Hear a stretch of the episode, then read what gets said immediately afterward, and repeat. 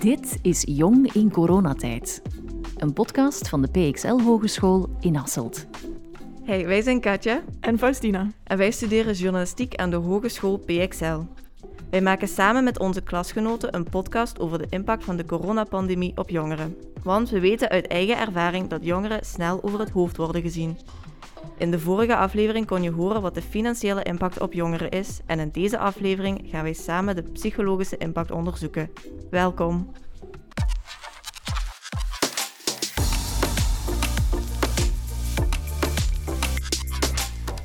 Dirk van der Wegen is een psycholoog die met jongeren werkt en duidelijk merkt dat de crisis slecht is voor onze mentale gezondheid. De grootste problemen zijn het gebrek aan sociaal contact en de angst voor het virus. Ja, ik ben Dirk van de Wegen, ik ben psycholoog en eh, ondertussen ja, doe ik dat werk meer, meer dan 25 jaar. En ik heb mij vooral eigenlijk op wetenschappelijk vlak bezig gehouden met de invloed van maatschappelijke factoren, de maatschappelijke veranderingen, op het eh, welbevinden van de mens. Merkt u een groot verschil in de problemen die jongeren nu ervaren door de crisis specifiek? Dat eh, eh, de coronacrisis eh, en de bijbehorende maatregelen, die hebben zeker en vast een impact op het psychisch welbevinden van de mensen. Dat is zeer goed meetbaar, ook zeer goed voelbaar, hè, dat hele zware implicaties heeft eh, op de mens. En ik moet zeggen, het is dan binnen die brede populatie dat eh, we toch wel zien dat jongeren een zeer kwetsbare groep zijn eigenlijk. Van kinderen tot en met mensen eh, in de adolescentie. Waar het erop neerkomt dat de nodige klassieke sociale banden eigenlijk verstoord worden, de sociale interacties verstoord worden en dat het eh, zeker bij jongeren eh, niet vast kan zijn. Eh, op termijn mocht dat blijven zo duren. De mens op zich heeft altijd nood aan de, aan de ander. Ten eerste op het vlak van zijn identiteit heb je altijd de ander nodig. Onze identiteit wordt ook altijd geconstrueerd in functie van onze contacten met de ander, in functie van onze contacten met de omgeving. Waar eigenlijk door de maatregelen de normale sociale contacten eigenlijk vooral onder druk gezet worden en eigenlijk eh, ja, bijna doorgeknipt worden. En dat wordt enorm sterk aangevoeld eh, door jongeren. Jongeren gaan zich eh, heel geïsoleerd gaan voelen, staan alleen voor, hey, met, ja, met alle implicaties voordien. Van die dat kan hele zware gevolgen hebben op het psychisch functioneren van jongeren. Wat ook aangevoerd wordt, de ander wordt gemist. Denkt u dat dat een permanent probleem is? Of zal dat ontdekken van die identiteit toch na de, als we ooit uit lockdown geraken, kan dat dan ingehaald worden? Eh, ja, natuurlijk. Dat het effecten zal hebben eh, op korte termijn, dat is zeker. Dat kan later, eh, natuurlijk, dat is moeilijk te voorspellen hoe dat alles zal evolueren natuurlijk, natuurlijk weer ingehaald worden. Maar het is ook zo, laat zeggen, eh, de, de, de angst vooral.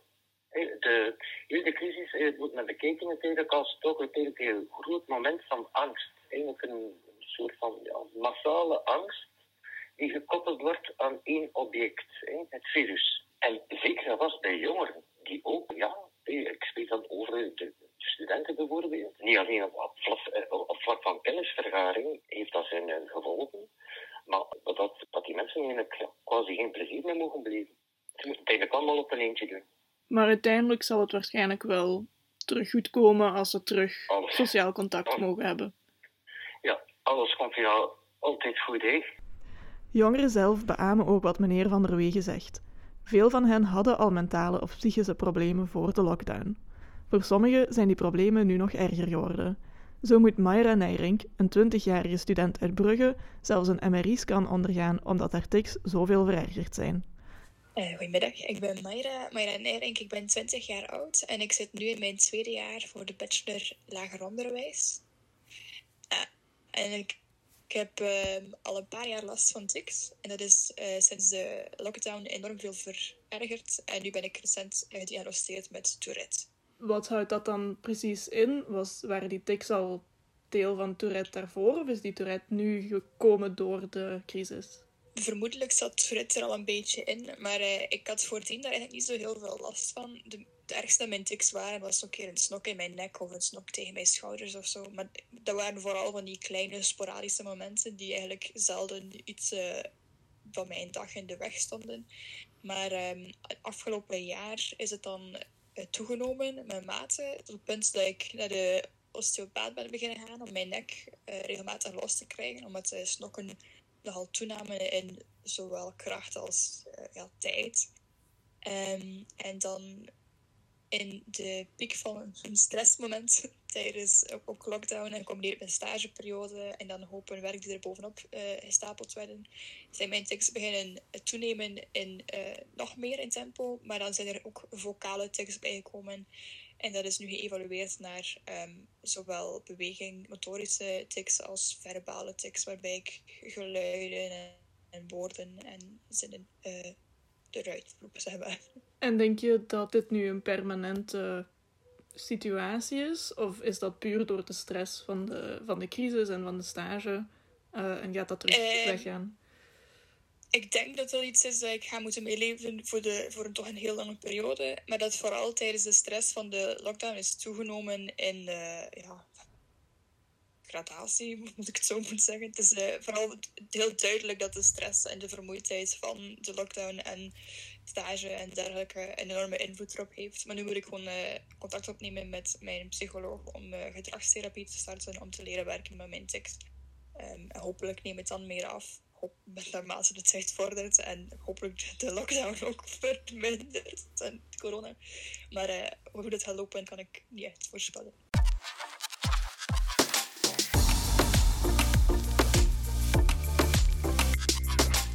Ook voor de 24-jarige Laura V3 uit Leuven was het voorbije coronajaar erg pittig. Ze had al last van angstaanvallen en de coronapandemie heeft er geen goed aan gedaan. Ik ben Laura, ik woon in Leuven en ik studeer op dit moment uh, toegepaste taalkunde aan de VUB. En uh, jij hebt nu nogal last van de coronacrisis. Kan je uitleggen hoe dat, uh, wat dat het probleem juist is? Ik zat sowieso met uh, social anxiety hiervoor. Ik had al moeite met, met grote groepen mensen rondom mij zitten. En gewoon over het algemeen met veel mensen. Uh, ja, als er veel mensen rondom mij zijn en zo. Als ik bijvoorbeeld op de markt loop of zo op een zaterdagochtend en dat er veel volk is, dan voel ik mij al ongemakkelijk. Ja, dat, dat is heel uitputtend gewoon. Dat is, is heel moeilijk. En nu met corona, omdat je eigenlijk niemand meer ziet, word je dat gewoon om op je eentje te zijn. En, en je geen zorgen te moeten maken om anderen en zo. Waardoor als je dan wel buiten komt, dan meteen even paniek is van oei, hier is precies veel volk. Um, dus dat was wel even spannend die eerste paar keren. En ook over het algemeen, als ik met vrienden wil afspreken of zo, is dat meteen na twee uur voel ik mij al doodmoe. Dat is echt gewoon niet meer fijn. ook het feit dat ik het gewoon ben geworden om, om niet met mensen om te gaan, omdat het gewoon niet gaat. Heb ik zo ook het gevoel dat ik mij vaker eenzaam voel, omdat ik echt, ja, omdat ik ook niet de neiging heb om mensen een bericht te, om een bericht te sturen of, of zo. Dus ik, heb van, ik ben goed op mijn eentje. Maar ja, toch is dat niet evident. En denk je dat die uh, die moeheid en die eenzaamheid terug weg zouden gaan na de crisis, als de lockdown wordt opgeheven? Of is dat iets waar je bij zal blijven? Ik denk, een sociale spier moet een beetje bijgetraind worden waarschijnlijk. Maar ik denk, ja, dat gaat nooit echt volledig weggaan. Dat gaat... Uh, dat is een soort van gewoonte geworden of zo. Ik weet niet hoe ik het moet uitleggen. Ik hoop dat het weggaat. Eens dat ik terug meer in contact kan komen met mensen en zo. Sophie Lekens is de studentenbegeleider van de Hogeschool PXL en Romina Bijnens is het diensthoofd studentenvoorzieningen.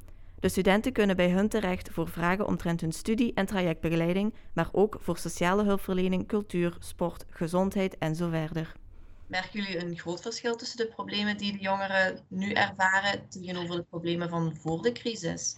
Er zijn wel wat verschillen, grote verschillen, weet niet of we ze moeten noemen. Ik denk dat heel vaak wel, uh, dat we nu zien, dat de problemen die er al waren, of die er ooit heel klein waren, dat die zowel wat uitvergroot werden door de hele coronacrisis. Door, eh, ja, ik denk dat, het, dat er heel veel effect is geweest, alle andere maatregelen ook natuurlijk, maar van het, het wegvallen van sociale contacten bij studenten. En een ander groot verschil, denk ik, dat is dat ja, doordat studenten nu constant thuis zitten, of bijna altijd thuis zitten, en als het thuis wel moeilijk ging, ja, dan dan is dat nu niet veranderd, maar dan wordt dat nu zo'n beetje pijnlijk duidelijk hoe, hoe lastig dat, dat wel was.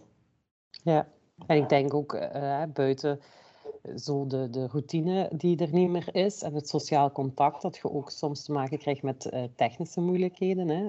Het werkt niet allemaal zoals dat je wilt. Misschien daarnaast ook niet helemaal de mogelijkheid hebben om je af te zonderen in een kamer, om les te kunnen volgen of om op je gemak te kunnen studeren, hè, waar ook studenten op, op de campus kwamen om dingen na te kijken of om eens een keer op hun gemak te zitten, zal ik zeggen, en bezig te zijn met hun studies, waar dat ze dan nu thuis moeten doen. Ook veel ouders die ook van thuis uit moeten werken, hè, wat ervoor zorgt dat je eigenlijk met heel veel mensen in eenzelfde ruimte leeft, die allemaal aan het werken zijn of aan het studeren zijn. Ik denk dat dat wel zo wat een, een grote impact kan hebben op hoe, ze zich, hè, hoe je voelt op dat moment. Hè. Je thuissituatie en je schoolsituatie wordt een beetje vermengd, wat misschien ook wel kan zorgen voor wat extra moeilijkheden. Maar je hebt heel veel verschillende situaties en ik denk dat het echt voor iedereen heel persoonlijk is. En of het daarom per se onmiddellijk te maken heeft met heel de lockdown of crisis of het hele afstandsonderwijs, dat durf ik niet zo eenduidig op te antwoorden. Um, en wat zijn zo de problemen die toch wel het vaakst voorkomen, denken jullie? Stress, ja. veel taken, het gevoel dat ze te veel te doen hebben, dat ze toch nogal heel erg bevraagd worden, eenzaamheid vooral. Het wisselt ook van periodes. Ik vermoed nu met het mooie weer dat ook weer mensen zich wat beter gaan voelen, beter buiten kunnen komen. Ik denk, als, als we nu terugkijken op pak anderhalf jaar geleden en je ziet wat we nu eigenlijk ons dagelijks gemakkelijk invoegen, vind ik een beetje akelig. Want dan denk ik, kunt je je niet meer voorstellen dat je zonder mondmasker de winkel binnen gaat of zo. Of alle... Dus ik heb er goede hoop op dat als het toch redelijk snel terug allemaal een beetje naar het normale kan gaan, dat we die schakeling wel terug kunnen maken. En dat we, dat is misschien een beetje idealistisch, maar dat we zo de goede dingen wel meenemen. Uh, Zodat we, we, hebben gemerkt dat we dat sociaal contact wel nodig hebben, dus we gaan er misschien wat meer belang aan hechten. Ja, dat is ook graag willen vasthouden. Ik denk, dat dit ook een heel veerkrachtige generatie gaat worden. En wat doen jullie eigenlijk om je studenten bij te staan over het algemeen? En hoeveel succes heeft het bij de studenten? In het begin hebben we wel geprobeerd om, om van alles in te richten, hè, Sophie, samen met de uh, stuvers eigenlijk, hè, de studentenvertegenwoordigers. we hebben toen die Facebookpagina opgezet, er zijn wandelingen georganiseerd. Ik denk dat we proberen zoveel mogelijk te ondersteunen. Ik denk alleen dat we nog niet, ik weet niet of we al gevonden hebben wat een student echt, echt helpt. En ik denk op zich, al die dingen hebben we ook wel meegenomen. Hè? Als we kijken naar wat we in de komende jaren willen gaan doen, dan heeft dat heel veel te maken met hoe kunnen we studenten nog veerkrachtiger maken en hoe kunnen we aan ons, ons heel divers publiek um, ja, zoveel mogelijk aan, aan ieders noten tegemoet komen. Hè. Dus we nemen dat dan wel uit mee, ondanks dat we natuurlijk niet iedereen hebben kunnen, of alles ja. hebben oplossen. Ja.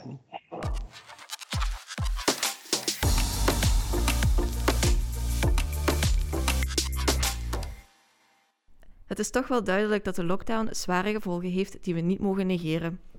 Het zal ook nog wel even duren voor de problemen terug weggaan. Maar het is geen uitzichtloze situatie. Ik ben opgelucht te horen dat de schade waarschijnlijk niet permanent is. Al neemt dat niet weg dat die problemen nu aangepakt moeten worden. Dat was het voor ons onderzoek. In de volgende aflevering komen Brechtje en Jante aan het woord om te praten over daten en relaties in coronatijden.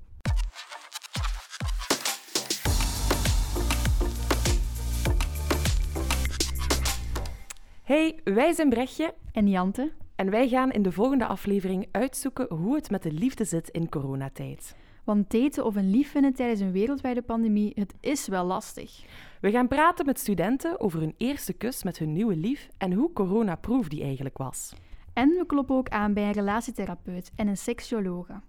Maar dat is voor de volgende aflevering. Nu gaan we elkaar nog even iets beter leren kennen door een spel.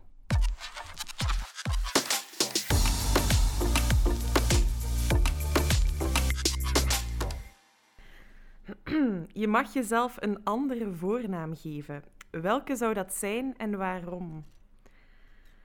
Ik, uh, ik, ja, ik ben eigenlijk wel best blij met mijn naam.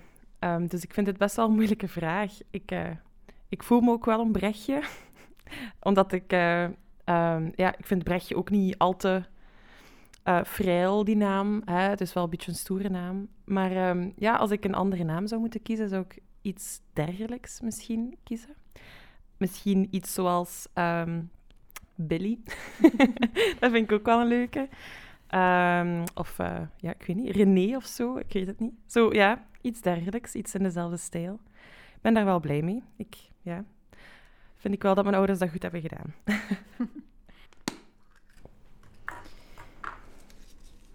Eén ding op je bucketlist zetten en uitvoeren, wat is het? Ik heb zoveel dingen op mijn bucketlist staan. Ehm, misschien een eigen liedje uitbrengen. Uh, daar ben ik ook wel mee bezig nu op dit moment. Um, ik ben nu met mijn zangcoach. Um, ben ik in contact gekomen met een singer-songwriter. En die is nu momenteel aan het helpen met mij om een uh, eigen liedje eigenlijk te maken. Dus uh, ik denk dat dat wel één ding is op mijn bucketlist die ik nu ga doen. Die toch, ja, dat gaat lukken. Dus Beslis je dan ook mee samen met die singer-songwriter waar het over gaat, het liedje? Ja, ik heb in het begin uh, mogen zeggen waarover het gaat. En ik heb ook zo moeten zeggen hoe oud ik ben. En um, dus het gaat zo over liefde. En uh, ja, ik heb wel zo zelf ook dingen mogen zeggen. Maar natuurlijk, zij bepalen het meeste van hoe het moet klinken. Maar ik mocht daarna ook wel feedback geven van ik wil het zo, ik wil het sneller, ik wil het trager. Of ik vind de tekst niet zo mooi. Dus ja. Dan gaat het wel echt als jouw liedje aanvoelen. Ja, hoe komt het dan uh, binnenkort uit? Ik ben benieuwd. Ja. Weer een gele, dat ga ik niet meer doen. Ik denk dat daar een systeem in zit. Hè. Wat zal je nooit eten, al houden ze een pistool tegen je hoofd? Ja, een bord vol met korianderkruid. dat zal ik nooit eten. Dat vind ik uh, ja, echt heel erg vies. Ja, ja, als ze een pistool tegen mijn hoofd houden, ja, uiteindelijk natuurlijk wel. Hè? Ja, uiteindelijk ga je dat wel eten. Maar ik zou denk ik wel echt, ja, moeten overgeven. Dat denk ik wel. Ik vind het wel heel vies. En natuurlijk dingen zoals um, je eigen vader of zo. dat is ook heel erg. Als ze mij zeggen, zou een pistool tegen mijn hoofd en ze zeggen, ja, nu moet je een stuk van je eigen vader zijn been opeten. Dan zou ik dat ook niet doen. Je zou dan liever doodgaan. Ja, ik denk het wel. Ik zou niet met mezelf kunnen leven. Oké. Okay. Nu heb ik een gele. Ja. Is het glas voor jou half vol of half leeg?